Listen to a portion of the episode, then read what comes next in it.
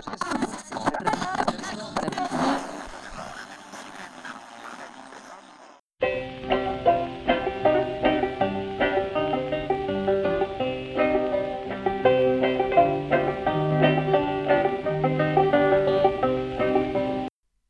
til Exilårene, Radioaktivs litteraturpodcast. Mit navn er Sine, Mit navn er Amalie. Mit navn er Rasmus og i dag der skal vi snakke om arbejdspladslitteratur. Men først så vil vi lave en kort introduktion af os selv, og hvad vi går og bedriver tiden med ellers. Jeg kan jo starte. Ja, jeg hedder som sagt Sine, og til daglig så arbejder jeg i Tænketanken Perspektiv. Jeg hedder Amalie. Jeg er kandidat i arbejdslivsstudier, og til daglig arbejder jeg i Prosa, som er fagforeningen for e IT-folk. Øh, og jeg hedder Rasmus, og jeg er øh, uddannet i filosofi og dansk fra Roskilde Universitet, har en bachelor i idehistorie, og så arbejder jeg til dagligt øh, i Forbrugerrådet Tænk. Kanon.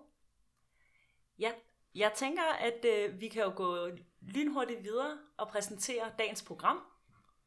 Øh, ja, først så skal vi, vil vi præsentere, hvad vi har læst, og der vil vi lade spændingen vente lidt endnu. Øh, og så øh, skal vi have en generel intro til den genre, vi kan beskæftige os med i dag. Og så kommer vi til at diskutere to af de centrale temaer i den bog, vi har læst. Men Amalie, vil du ikke øh, præsentere den bog, vi har læst? Jo, øh, vi har læst De ansatte af Olga Ravn, som øh, hun selv kalder en arbejdspladsroman fra det 22. århundrede. I øh, De ansatte befinder vi os på det 6000 skib. Øh, nærmere bestemt er vi midt i en form for øh, afrapportering. Øh, det er nemlig sådan, at værket består af en masse vidneudsagn fra forskellige ansatte på det her skib. Øh, vi får ikke præsenteret, hvem de er, eller hvad deres funktion er, men, øh, men det er nogle rå tekster, øh, hvor de her forskellige ansatte fortæller om deres arbejde på skibet. Det står ret hurtigt klart, at øh, det ikke kun er mennesker, der er ansat på det her skib, men også nogle menneskelignende øh, ansatte, som, øh, som man efterhånden bliver klogere på. I og med, at det er en, øh, en arbejdspladsroman, så øh, handler det selvfølgelig om arbejdet. Øh, men øh, jeg tror også, det vil blive klart i løbet af vores snak i dag, at øh, de her ansatte, de er utroligt fokuseret på deres arbejde. Nok også mere, end øh, man ellers ville være i sådan en afrapportering. Grunden til, at vi har valgt at læse De ansatte Olga Ravn, det er jo, at øh, den præsenterer nogle tematikker, som er gældende på det arbejdsmarked og i det arbejdsliv, vi kender i dag. Men øh, den kunne også være et øh, noget dystopisk fremtidsudsyn, som øh, man i hvert fald som venstreorienteret godt kan have nogle øh, kritiske tanker omkring. Øh, og det er så også nogle af dem, vi vil prøve at komme lidt nærmere ind på i dag. Ja, og man kan sige, en anden grund til, at vi også har læst den her øh, bog i, i fællesskab, er jo også, at den har en enormt spændende måde at, at være skrevet på. Altså den, det hele den opbygning omkring de der vidneudsagn kan jo godt forstås lidt som sådan nogle øh, mus-samtaler i virkeligheden, som jo også er et, er et interessant litterært træk i hvert fald ved, ved det her værk. Øh, men jeg tænker måske, om vi skal prøve at ile lidt videre til øh, at få en eller anden forståelse af, hvad er arbejdslitteratur i det hele, er arbejdspladslitteratur i det hele taget. Og der har vi jo øh, inviteret øh, Rasmus til at fortælle lidt om arbejdspladslitteratur som genre. Ja, ja og øh, man kan sige, arbejdspladsromanen eller arbejdspladslitteraturen har en, en længere historie i, i, i litteraturen og i dansk litteratur. Og man kan, sikkert, man kan selvfølgelig sikkert spore begyndelsen til arbejdspladslitteratur mange steder, men et af de steder, man kan begynde, er i sådan 30'ernes socialrealistiske kultur i Danmark, altså en litter- eller litteratur, som, øh, en litteratur, som opstod i kølvandet på krakket i 1929 og den økonomiske krise, masse arbejdsløshed og alle de den fattigdom og de sociale problemer, der opstod. Der opstod i Danmark en, en del socialrealistisk øh, litteratur, der altså beskæftigede sig med, med, med arbejdsløshed og sociale problemer, og så opstod der sådan mere specifikt det, øh, som man kalder øh, kollektivromanen, altså en roman, der i stedet for at beskæftige sig med Øh, et individs udviklingshistorie, så beskæftiger sig med en gruppe menneskers organisering, deres, øh, deres øh, kampe, deres selvforståelse og de sociale processer, de indgår i. Der er, der, der er en masse sådan, kendte danske værker. Der er et Hans Kirk Fiskerne, der handler om en gruppe indre missionske fiskere, der flytter til Limfjorden og laver en masse ting der. En del af hans Scherfis romaner, for eksempel Det forsømte forår, består også i høj grad af sådan flere karakterer. Øhm, der er en fyr, der hedder Harald Herdal, som skriver kollektivromaner, der handler om, hvor det handler om en opgang, og de, alle de ting, der sker der, i stedet for en enkelt person. Og så er der et værk, som hedder øh, Legetøj af H.C. Brander, som er en decideret arbejdspladsroman, der handler om en legetøjsfabrik, øh, og de, øh, det hierarki, der er der, hvordan hierarkiet mellem den sådan ret diktatorisk chef, øh, og, og så en sådan middelstand, altså mellemstanden af, af sekretærer og mellemledere, og så underklassen, pakkeriet med arbejderne, hvordan de dynamikker, der er på den arbejdsplads, fungerer. Så ligesom første gang, vi, sådan, eller øh, første gang, vi møder den her arbejdspladslitteratur, så øh, senere, den anden bølge, kan man så sige, det er, den opstår i 70'erne, i, altså efter 68, der, der sker der jo generelt sådan en stigende politisering på, øh, på kulturområdet blandt andet, og der opstår nye kvindebevægelser, en masse nye politiske bevægelser, og det der så sker, det er, at der er flere, blandt andet kvinder, der begynder at, øh, og sådan at skrive om arbejdspladsen og gå imod sådan mere traditionel borgerlig litteratur og begynde at lave sådan nogle mere dokumentaristiske øh, rapportagtig litteratur, hvor man altså ikke sådan øh, skriver om en enkelt person igen, men hvor, hvor det i højere grad er sådan rapportagtige øh, uddrag fra en arbejdsplads. Det opstår først i Sverige med en kvinde, der hedder Sara Lidman, som laver en roman, der hedder Gruva, der handler om nogle minearbejdere i Nordsverige. Så i Danmark er der også øh, er der blandt andet en ret, en ret berømt roman, der hedder øh, Konen og ægne af en kvinde, der hedder Grete Stenbæk Jensen, som handler om ja, en kvinde, der arbejder på et æggepakkeri, men også alle de ting, hun, øh, hun går igennem og hendes problemer. Øhm, og så er der en, blandt andet en, en bog, der hedder Konflikt fra 1977 af Bente Østrup Madsen, der handler om de arbejdskampe, der, kampe, der skete på, porcelæn, på, det kongelige, på den kongelige porcelænsfabrik i 1972.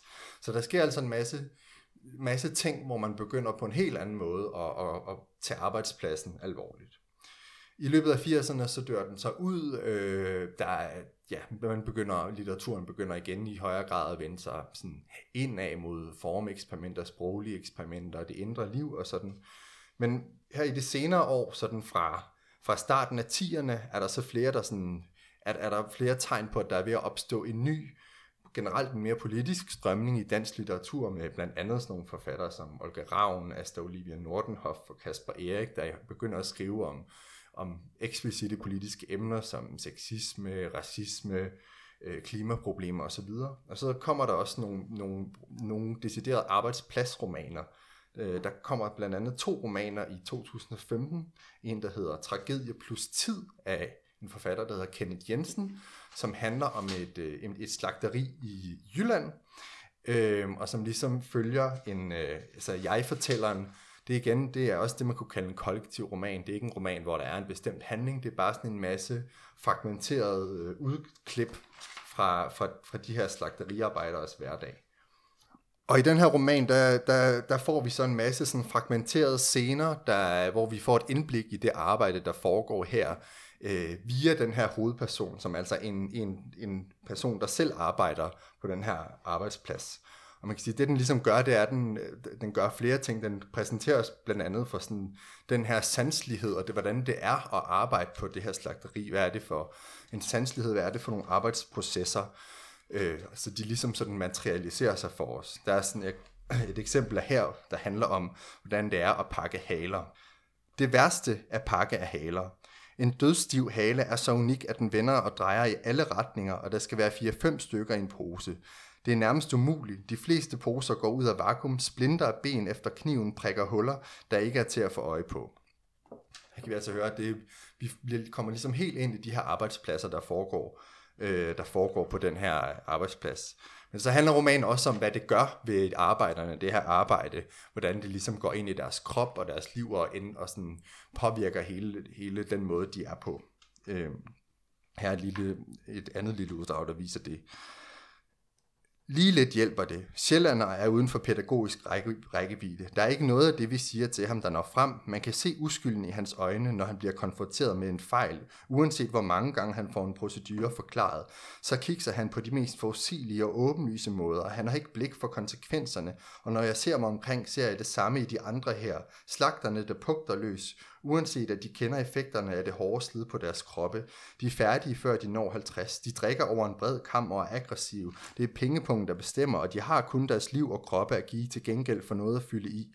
De gør, hvad de plejer, men plejer er død i hvert fald for Sjælland, og indtil videre får han det til at lyde, som om det er Lone, der har et problem. Det er ligesom, ja, det er en passage, der handler om, at hans kone er gået fra ham. Men der kan vi ligesom se, at den her roman også beskriver, hvad er det, det her arbejde, som vi får beskrevet, gør ved dem, de mennesker, der arbejder. Det er det ene eksempel.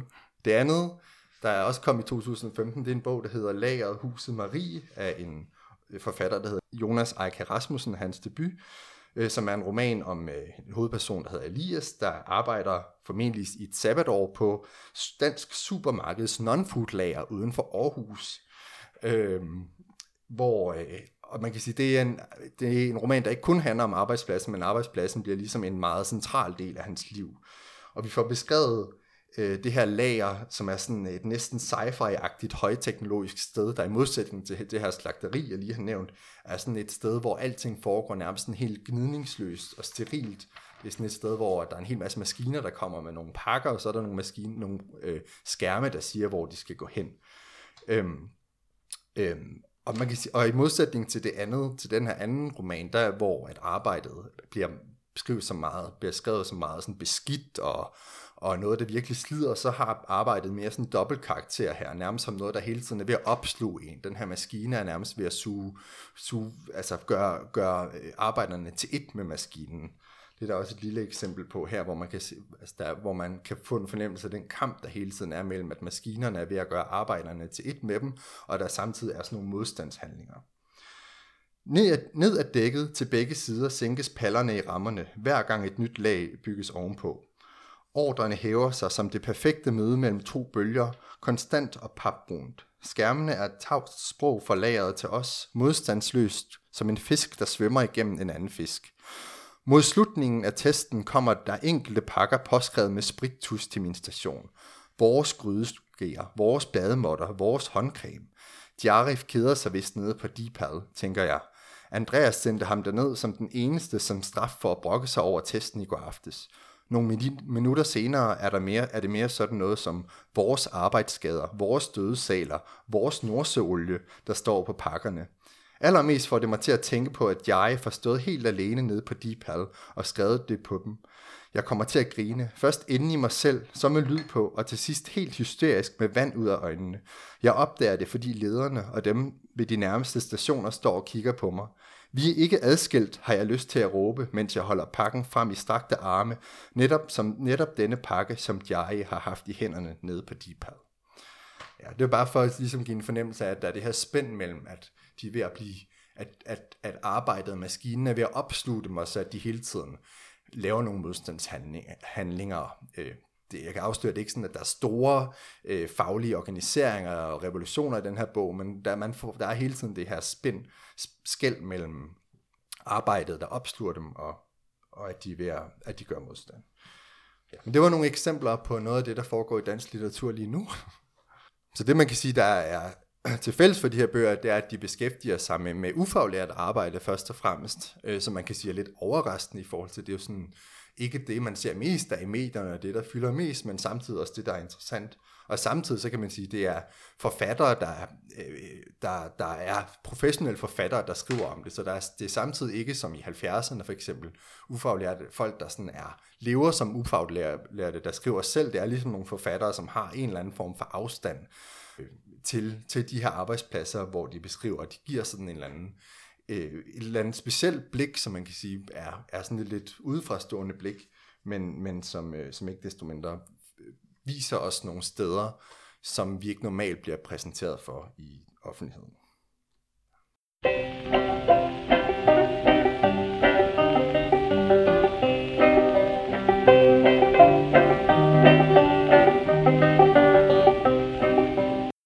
Så spændende. Det er, jeg er glad for øh, den her introduktion, og jeg føler også, at vi i hvert fald er blevet meget klogere på, hvad, hvad arbejdspladslitteratur er og kan og har været. Øh, og man kan sige, i forhold til øh, det værk, som vi har læst, Olga Ravn, De Ansatte, så er der jo nogle fællestræk med i hvert fald de to øh, nyeste, som Rasmus nævnte. Øh, der er i hvert fald nogle, nogle fælles tematikker omkring den der øh, automatisering, og der er noget, øh, nogle diskussioner i forhold til robotter, men jeg synes der, hvor Olga Ravn i virkeligheden adskiller sig rigtig meget øh, fra de to andre øh, bøger, det er der, hvor øh, arbejdet er så ukonkret i den her øh, roman. Og jeg tænker måske, om vi skal gå videre til at tage en diskussion af indholdet i, Ja, i den bog her. det synes jeg. Vi har jo netop øh, udpindet to temaer, som øh, vi synes, det kunne være relevant at diskutere. Øhm, og Signe, vil du prøve at introducere det første af de her temaer?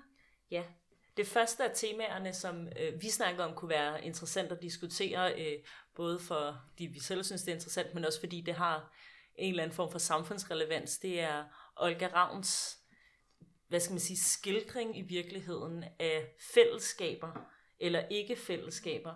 Som Amalie også nævnte her i starten, så er der jo en skældning imellem, øh, hvad skal man sige, to hovedpersonstyper i virkeligheden. Der er de menneskelige, og så er de menneskelignende. Det, som vi har snakket om i hvert fald er, er interessant, det er, at der er en forskel i måden, de bliver portrætteret på, på i bogen, men også en måde, hvorpå de snakker om deres eget øh, arbejde, deres egen arbejdsfunktion. Ja, og for at vise det, så har vi taget et, et uddrag med fra, fra bogen, og det lyder sådan her. Vidneudsagn 052. Jeg har et tæt og velfungerende samarbejde med skibskadet 8, som jeg under arbejdet har lært godt at kende. Når jeg taler med hende, som ulige mig er født ud af en menneskekrop, som har vandret på planeten, siger hun næsten altid, at hun savner jorden. Hun er ikke stolt af sit savn, eftersom hun ønsker at være en god ansat, og det skal I ikke være i tvivl om.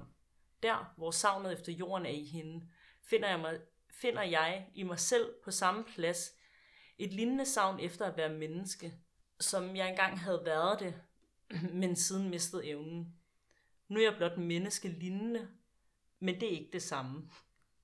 Jeg ligner et menneske og føler som et menneske. Jeg består af de samme dele. Er det, der mangler, kun at i jeres papir ændrer på min status? Er det et spørgsmål om et navn? Kan jeg blive et menneske, hvis I kalder mig et? Det, jeg synes personligt er meget interessant ved lige præcis det her uddrag, det viser meget klart øh, den bevidsthed, der er om forskellen imellem de menneskelige og de menneskelignende. Man skal jo holde tungen lidt lige i munden, når man læser det her værk, uanset.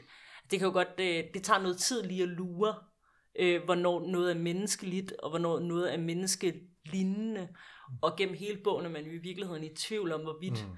et vidneudsagn kommer fra den ene eller fra den anden. Men noget, som også er ret interessant, kan man sige, i forhold til lige præcis det her vidneudsagn, som Olga Ravn jo kalder dem, det er, at der er en meget klar selvforståelse af ens øh, arbejde, eller fortællerens arbejde, og fortællerens arbejde i forhold til ens øh, kolleger eller medansatte i virkeligheden. Og det er jo også nogle gange det, som kan være lidt øh, svært at læse i den her bog. Hvordan anser de her menneskelignende eller menneskelige deres kolleger. Er det kolleger i virkeligheden, eller er det øh, medansat, eller er det sådan en robotfigur, eller hvordan? Hvad, hvad tænker du, Amalie? Altså jeg tænker i virkeligheden, at det er et forhold, der udvikler sig rigtig meget undervejs. Øhm, hvis man ser på nogle af de første vidneudsagn, øh, måske første halvdel eller to tredjedel, øhm, så, så synes jeg, man kan se en vis solidaritet mellem de her grupper. Øhm, der er ingen tvivl om, at der bliver tegnet et ret klart os og dem mm. mellem grupperne. Øhm, altså det, man kan kalde ho- horisontal solidaritet, hvor man forholder sig til dem, der er de samme som en selv, kan man mm. sige. Altså så man, hvor man opbygger en gruppe øhm, og, og får nogle kendetegn i spil. Altså vi får at vide, at øh, de menneskelige savner jorden, øh, de menneskelige har børnehologrammer, de menneskelige øh, har det på den her eller på den her måde, øh, mens vi får at vide, at de menneskelignende har nogle andre fælles kendetegn. Men jeg synes alligevel, når man tager et udsagn som det her, Og også nogle af de andre i, i den første halvdel af bogen, hvor de to grupper forholder sig til hinanden, så ser man den her vertikale solidaritet. Men for de menneskelige, så er det også den slags solidaritet, hvor man måske har lidt ondt af de menneskelignende. Det er synd for dem. De øh, mangler noget. De, de beskriver det selv som et savn. Men, men det forhold ændrer sig undervejs, fordi hvis man går mod fortællingens slutning, så er det en relation, der er præget af frygt. Øhm, de menneskelige er bange for, hvad de menneskelignende kan finde på, hvad der gemmer sig i dem, hvad sker der, når maskinen begynder at lære sig selv noget, hvad sker der, når maskinen bryder med det programmerede. Så der er ikke nogen tvivl om, at det der måske i bogens udgangspunkt er en, et opdelt, men til dels solidarisk forhold mellem menneskelige og menneskelignende, det udvikler sig og bliver øh, meget anspændt undervejs. Mm. Ja. Og så noget, der måske også kendetegner hver, altså begge grupper har jo sådan et sjovt forhold til det alt uden for arbejde. Der er jo ikke rigtigt. De er bare på det her skib hele tiden. Men menneske, de, menneskelige, eller menneskene, de har jo, de kommer jo alle sammen fra jorden, og der er mange passager, hvor de mindes, hvordan vejret føles, eller hvordan alle mulige ting føles, eller deres børn og sådan noget. Men det er de ligesom noget, der ligger bag dem, og det er noget, de er på vej væk til, og noget, de mindes tilbage. Men på den anden side har vi de men- menneskelignende, som ligesom kommer fra sådan en robot-status, øh, hvor de er helt tilpasset arbejdet. Men så de begynder at udvikle nogle følelser, så de bevæger sig ligesom væk fra arbejdet. altså sådan begynder, altså, løs, altså bryder lige så stille løs fra, fra den her arbejdsplads, og, og får flere og flere følelser, hvor menneskene, de er på en eller anden måde, ja, de går mod, de, de bliver mere og mere indrullet i det her arbejde, indtil det, indtil det går galt.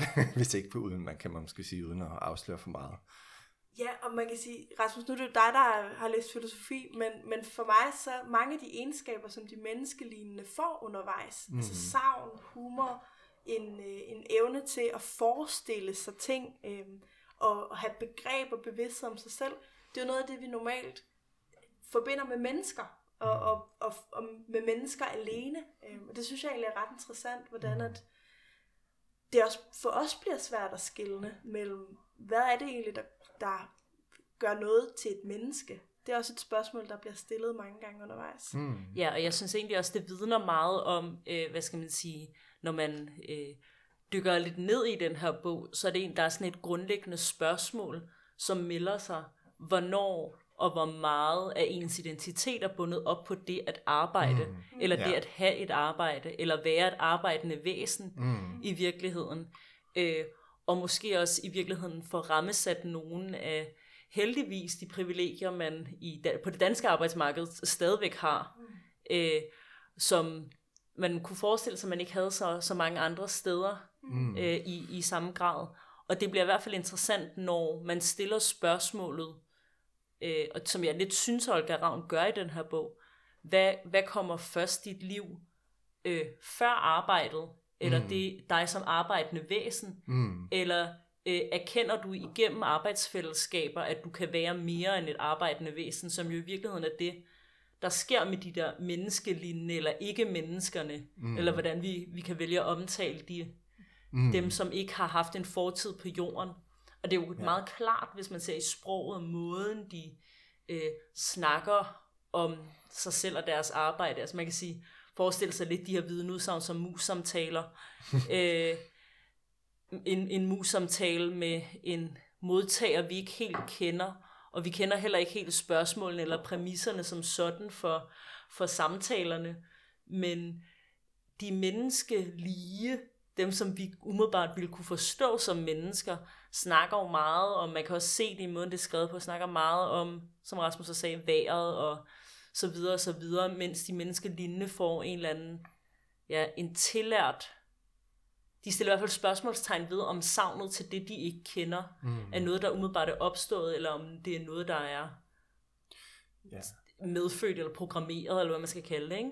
Ja, mange af dem begynder sådan, og de, de spørger jo hele tiden, er det noget, jeg er programmeret til? Er det noget, eller er det, en, eller er det min nyeste opdatering? Eller er det noget, der falder udenfor? Eller sådan, der er hele tiden et eller andet sådan spænd mellem det, som skal passe ind i arbejdet, som for de menneskelignende, altså de her robottyper, er sådan, ja, simpelthen det, de er skabt til, og så det er noget, der falder udenfor. Det synes jeg er noget, der sådan går meget igen det her, hvad passer ind i arbejdet, og hvad falder udenfor, og også i forhold til netop, hvad er det, er det så, er, er et menneske så, eller er det menneskelige noget, der altid vil falde uden for det her arbejde, eller hvad, måske?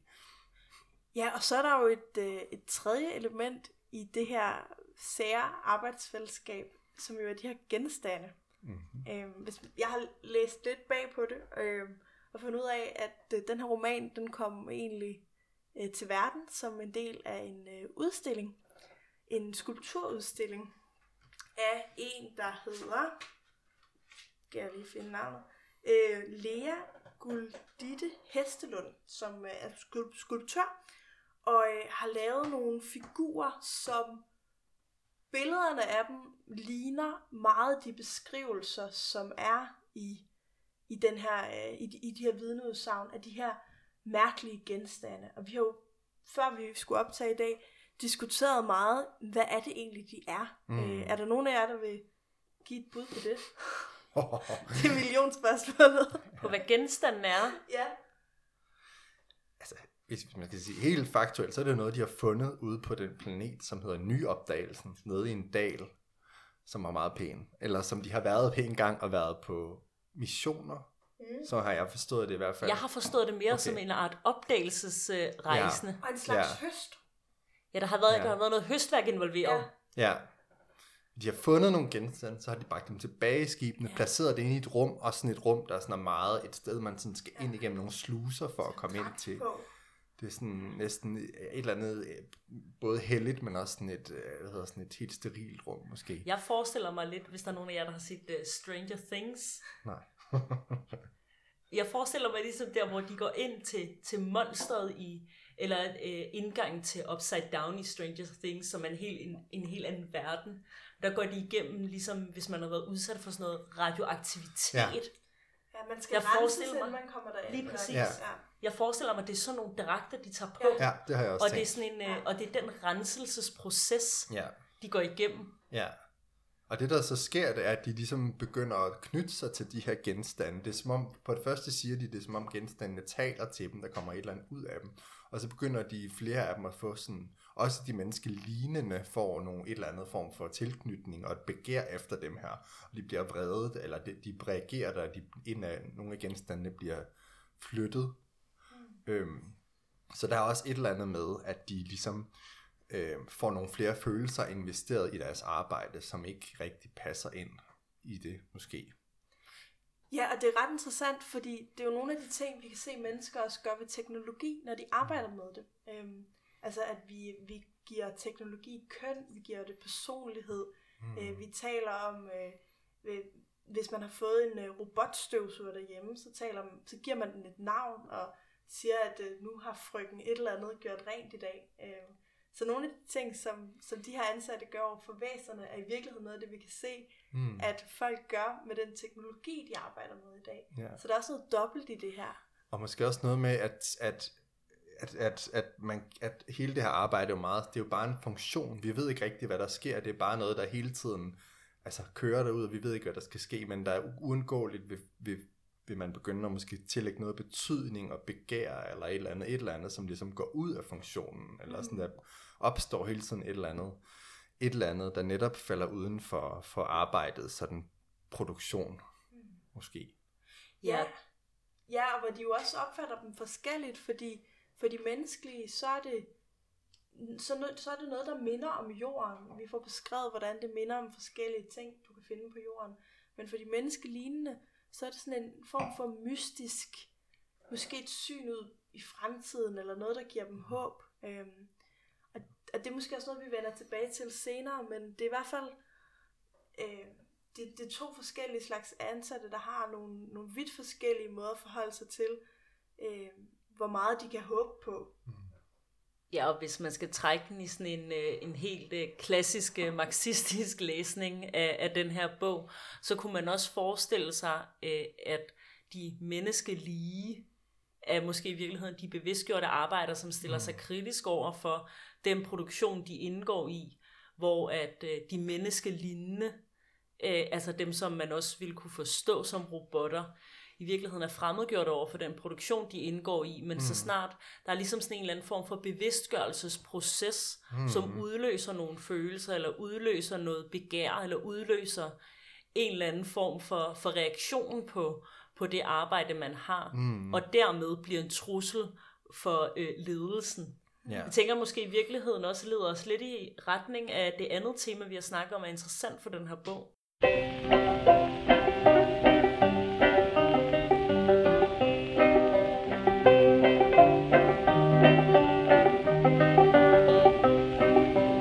Ja, øhm, og hvis jeg skal prøve at introducere lidt til det, så er det her jo en øh, dystopisk og øh, meget skarpt optegnet udgave af et arbejdsmarked, et arbejdsliv, vi måske kommer til at se i fremtiden. Mm-hmm. Øhm, man kan sige, noget af det, der, der sker i de her fortællinger, det er, at de ansatte er reduceret til deres funktion i den her øh, lidt mystiske produktion, der mm. finder sted.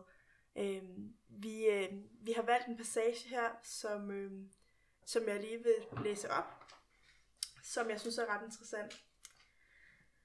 Jeg er begyndt at føle illoyalitet over for organisationen, og dette smerter mig, eftersom jeg ikke har mulighed for at være andre steder end inde i organisationen. Her på det 6000 skib. Jeg ved, at I intet ondt ønsker mig, så længe jeg indordner mig arbejdsgangen og er lojal over for organisationens værdier.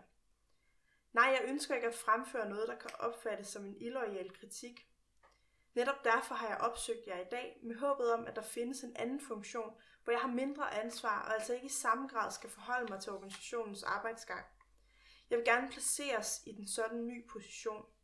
Jeg ved, at mine tildelte evner i så fald ikke vil blive udnyttet fuldt ud, men betyder den smerte, jeg føler, intet i den sammenhæng? Jeg vil våge den påstand, at smerten nedsætter mit arbejdsniveau, og desuden kan virke smittende på mine kolleger med negativ effekt til følge. Okay, det er i orden. Ja, det betyder, at jeg skal undvære talens brug. Det er jeg indforstået med. Det giver jeg mit samtykke til. Hvornår? Og så bliver den kottet af. Så kan man jo forestille sig, at øh, det med at undvære talens brug, det gik rimelig tjept. Ja. Ja. Øhm, det, det, det er interessant, det her uddrag, fordi øh, det egentlig rammer på flere sådan management-tendenser, vi kan se i dag. Øh, man kan sige, først og fremmest, så er der jo hele tilgangen i det. Altså, jeg skal stå til rådighed for arbejdet mest muligt. Jeg er en ressource for mit arbejde. Kortelsen HR dækker jo over Human Resource Management. Det er i hvert fald en, en ledelsestendens, som øh, jo er så almindeligt i dag, at langt de fleste virksomheder, de har en HR-afdeling. Og så står de for løn og for mm, øh, medarbejderudviklingssamtaler og for efteruddannelse og for alt muligt andet. Men, øh, men det her begreb er jo en tendens, vi har set i management i mange år efterhånden. Mm. Til at starte med var det også noget, som fagbevægelsen i Danmark egentlig gik med på den dagsorden. LO, de lancerede i 91 det udviklende arbejde, som havde mange af de samme idealer som øh, den her HR-tankegang, altså hvor mennesket ikke bare er en ressource på nåle eller bilfabrikken, som man så tilbage i talerismen, men faktisk har nogle ressourcer, som skal udvindes mest muligt. Så øh, i den bedste form, så er HR jo en menneskeliggørelse af arbejdet, fordi man får lov til at bruge nogle af sine menneskelige kvaliteter, øh, man får lov til at udvikle sig i arbejdet. Men øh, i dag, så kan kritikere, og jeg vil nok tælle mig selv blandt dem, sige, at øh, det er også sådan en ressourcetænkning af, hvordan kan vi udvinde mest muligt af mennesker, så de øh, kan producere mest muligt. Og det synes jeg i hvert fald, vi ser i citatet her. En øh, sådan afstikker fra det, eller en, en affødt tendens, det er også det her med værdibaseret ledelse. Fordi den her øh, menneskelignende ansat, som jeg vil tro det er, øh, taler jo netop om at være lojal over for virksomhedens værdier. Og det her med værdier, og man leder gennem værdier, det er jo nogle ledelsesprogrammer, som i dag lever i bedste velgående i langt de fleste store danske virksomheder. Hvor man vedtager kodexer og holder store programmer og øh, på en eller anden måde bliver enige om nogle værdier, som man øh, tager med hjem. Jeg interviewede faktisk engang en ansat i en større dansk medicinalvirksomhed, som fortalte, hvordan hun havde indrettet sin køkkenhave derhjemme, efter nogle værdier, hun øh, havde lært på arbejdet. Så det er altså noget, der, der også i dag vinder frem. Det synes det er det skørste, jeg nogensinde har hørt det der. Ja. Det, det var rimelig Det er skørt. creepy. Men øh, Og det, ja, det, det sætter bare tingene lidt i perspektiv ikke, i forhold til den her bog. Det handler også om at tillære nogle mennesker nogle særlige værdier, og arbejde på en særlig måde, der behager, om ikke andet profitmaksimerer måske i virkeligheden. Det er jo meget uklart, når man læser bogen, hvad det er for en produktion, vi har med at gøre, ja, synes jeg. Altså det er, ikke, det er ikke fordi, vi nødvendigvis ser øh, sammenhængen imellem de forskellige vidneudsagn, de forskellige øh, personer eller personligheders øh, arbejdsfunktioner.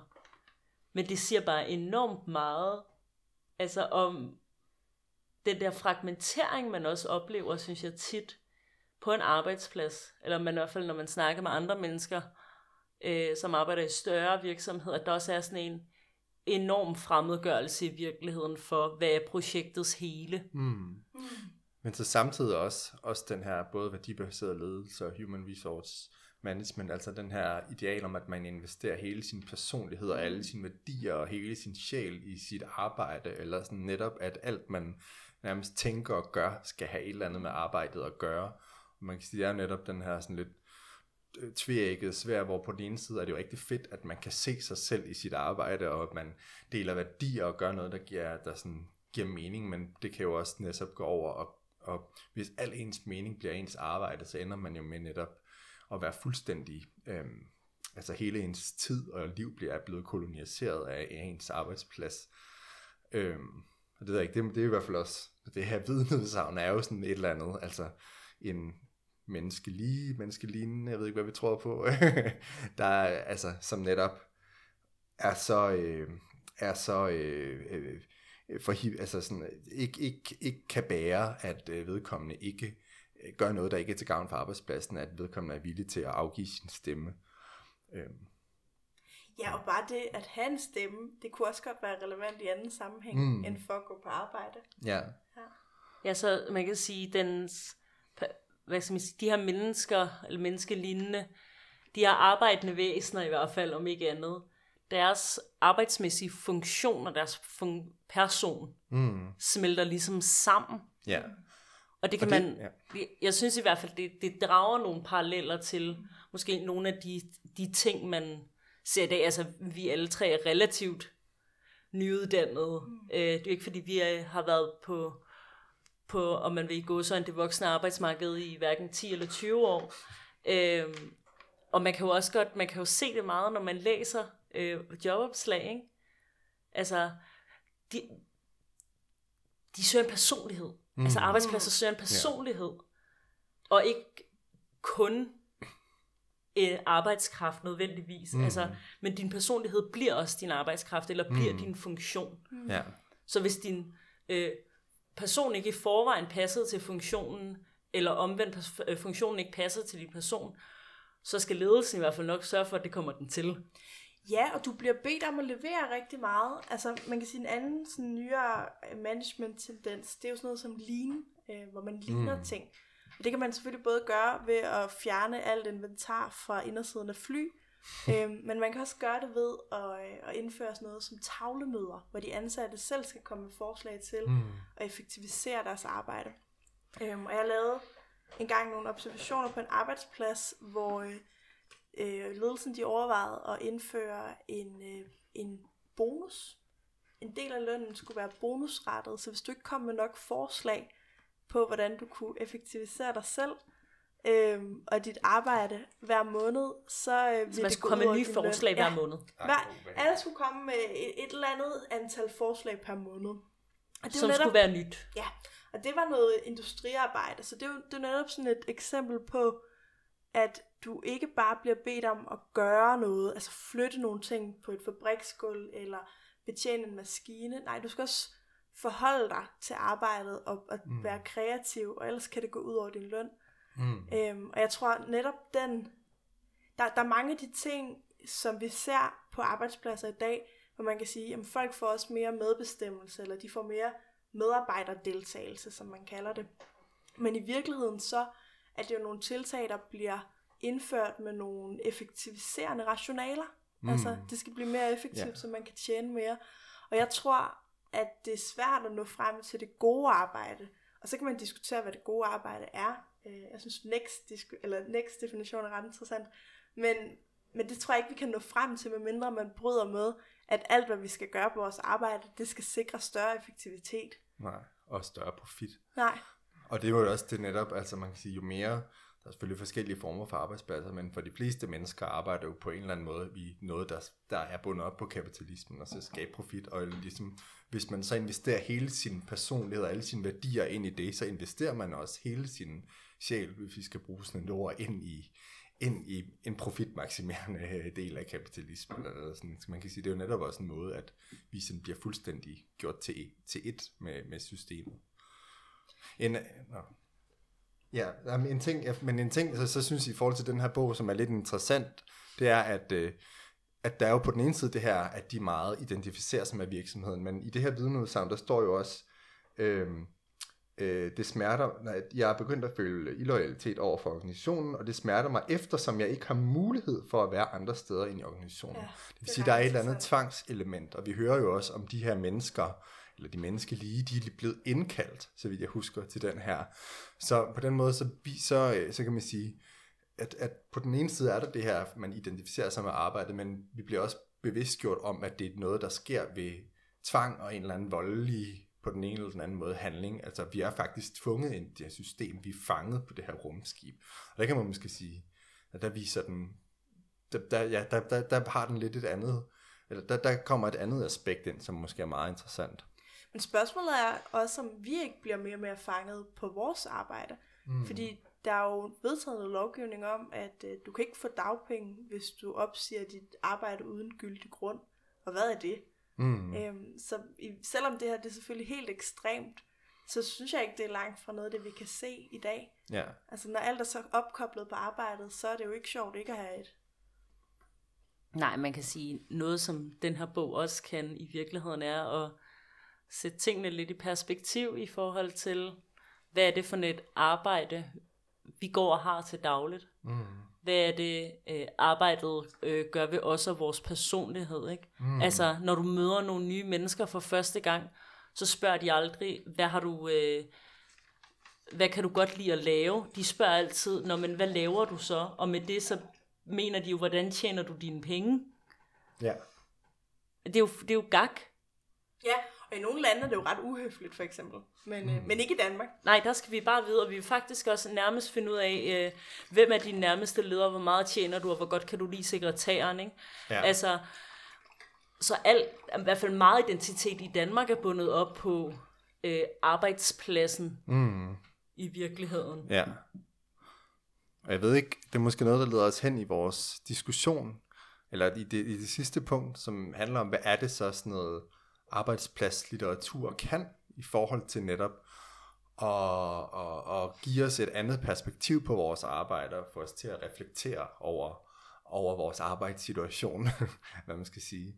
Altså noget af det, jeg har tænkt, både i forhold til, til den her roman, men også de andre, det er, at, at ja, helt banalt set, så kan man sige, at arbejdspladslitteraturen giver os ligesom muligheden for at, at se på vores arbejde på en anden måde, og betragte de processer, de strukturer, de mennesker, der er der. Man kan sige, normalt så er arbejdspladsen jo på en eller anden måde, det er jo et privat rum, altså et rum, der ofte ikke er til offentlig diskussion. Det er ligesom noget, som er meget, mange arbejder i den private sektor, hvor man kan sige, at litteraturen ligesom trækker det ud i det åbne og stiller det til sådan, kan stille det til skue. Vi kan kigge på arbejdsprocesserne, kan kigge på menneskerne. Så det synliggør processerne, og det synliggør også de mennesker, der er. Det er jo som er mange, altså også de her andre nye, de viser os jo slagteriarbejdere, lagerarbejdere, nogle rum og nogle mennesker i vores samfund, som vi normalt ikke ser, øh, kan, vi, kan vi se, og vi kan, vi kan være inde i deres hverdag. Det synes jeg er noget, den kan. Øhm, øhm, og, og så, øh, og så, øh, så kan den også netop give os på en eller anden måde sådan et, en, en eller anden for, sådan materiel, sanselig fornemmelse af arbejdet på en anden måde, end, end vi normalt, og ligesom trække det ud af det selvfølgelighed. Altså vi kan, vi kan i den, også i Olga Ravns, er der jo også hele tiden en eller anden, hvordan er det at røre ved de her ting, hvad er det, de gør, eller det kan kortlægge arbejdspladsen på en eller anden måde, der netop kan, kan få os til at se på arbejdet på en anden måde. Øh, men jeg ved ikke, hvad tænker I? Hvad har I sådan tænkt noget i forhold til, hvad den her litteratur kan? Altså noget af det, jeg synes, den her, øh, det her værk gjorde for mig, som jeg tænker, at arbejdspladslitteraturen kan gøre, det er at stille nogle spørgsmål, som vi ellers ikke får stillet os selv. Øh, det er jo sådan, at det her med øh, sådan arbejdsmiljø og arbejdsliv i sådan den brede debat, det bliver hurtigt sådan noget lidt poppet noget med trivsel og stress og trivselsbarometer og hvad man ellers... Nogle APV-målinger ja, og, og noget... Sådan noget uh, happy place to work, eller hvad det hedder sådan noget. øhm, mm. og, og det er jo sådan lidt poppet måde at, at betragte arbejdet på, og jeg tror, vi tilbringer så meget tid på vores arbejde, så det er vigtigt, at der også er nogle, nogle andre stemmer i den debat, som ikke bare er, er rendyrket politiske, hvor man kan stille sådan specifikke krav, men, men som også sætter nogle af de her ting lidt på spidsen, som, som gør, at vi kan forholde os til det på ny. Øh, altså et af de spørgsmål, som for eksempel for mig var ret interessant i det her, det er, at øh, noget af det, vi siger til os selv i fagbevægelsen, det er, at du kan ikke, øh, øh, du kan ikke organisere din kollega, hvis det er en robot.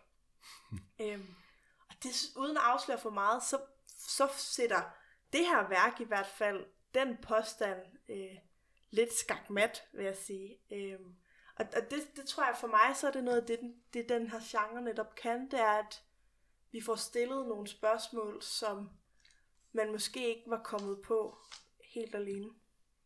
Ja, det tror jeg, du har, du har meget ret i.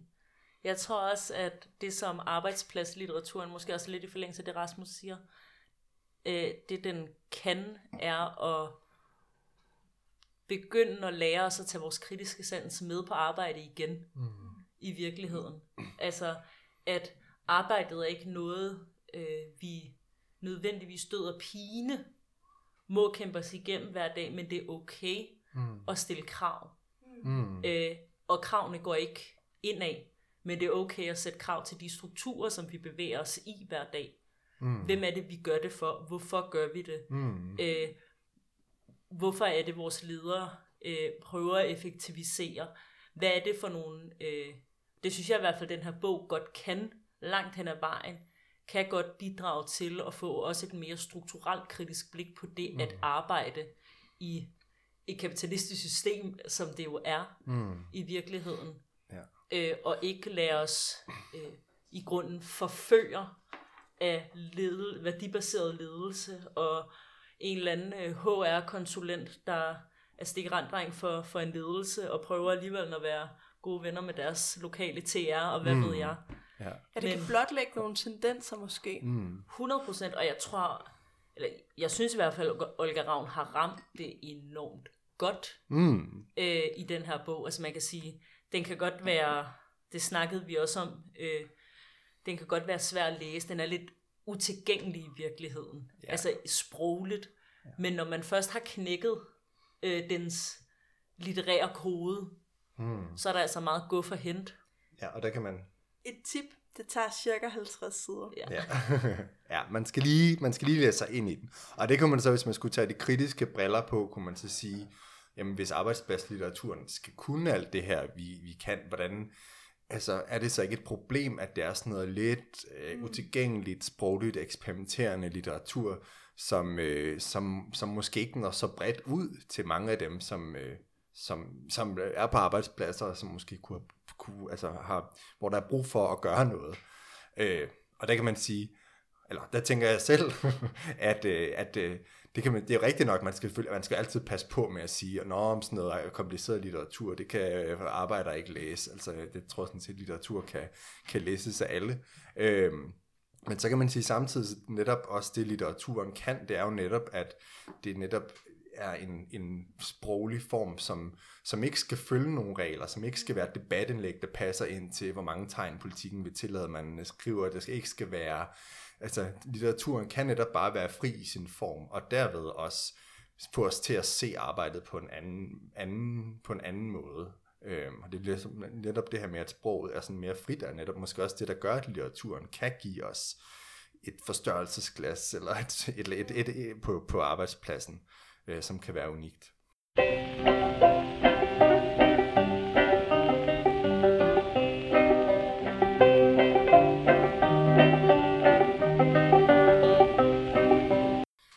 hvordan ser det ud med den brede, kritiske arbejdspladslitteratur i dag?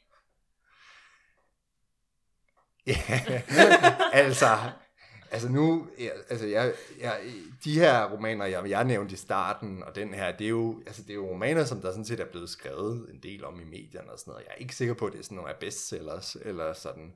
Men, Der er lidt for mange kriminalromaner. Altså, Ja. hvis, hvis de kunne lave nogle lidt mere kritiske sådan, øh, beretninger om øh, arbejdet som øh, kriminalbetjent, så kunne det være, at det begyndte at ligne noget. Ja. Men altså, jeg tror heller ikke, man skal undervurdere, at der mange steder er begyndt at være sådan også kritiske tendenser. Altså man kan, hvis man skal tage sådan øh, en anden figur, som der vist også har været en anden eksil under udsendelse om, Svend Brink.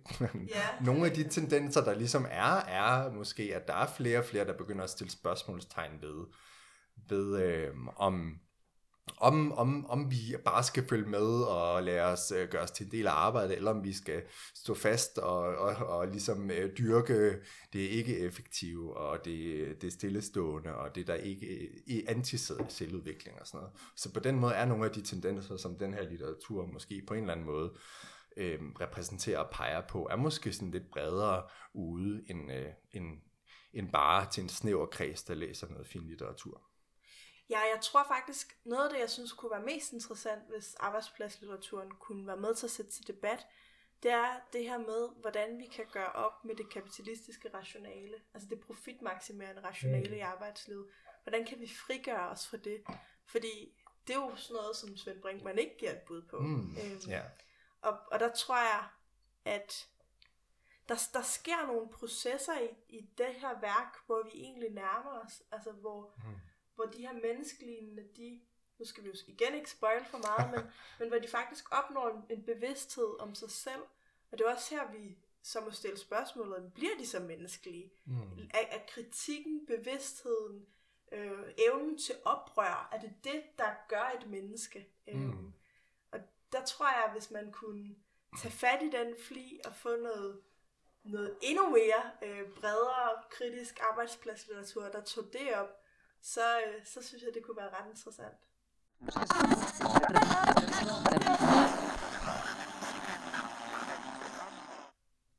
Men hvis man skulle give den eksilår, Det er rigtigt.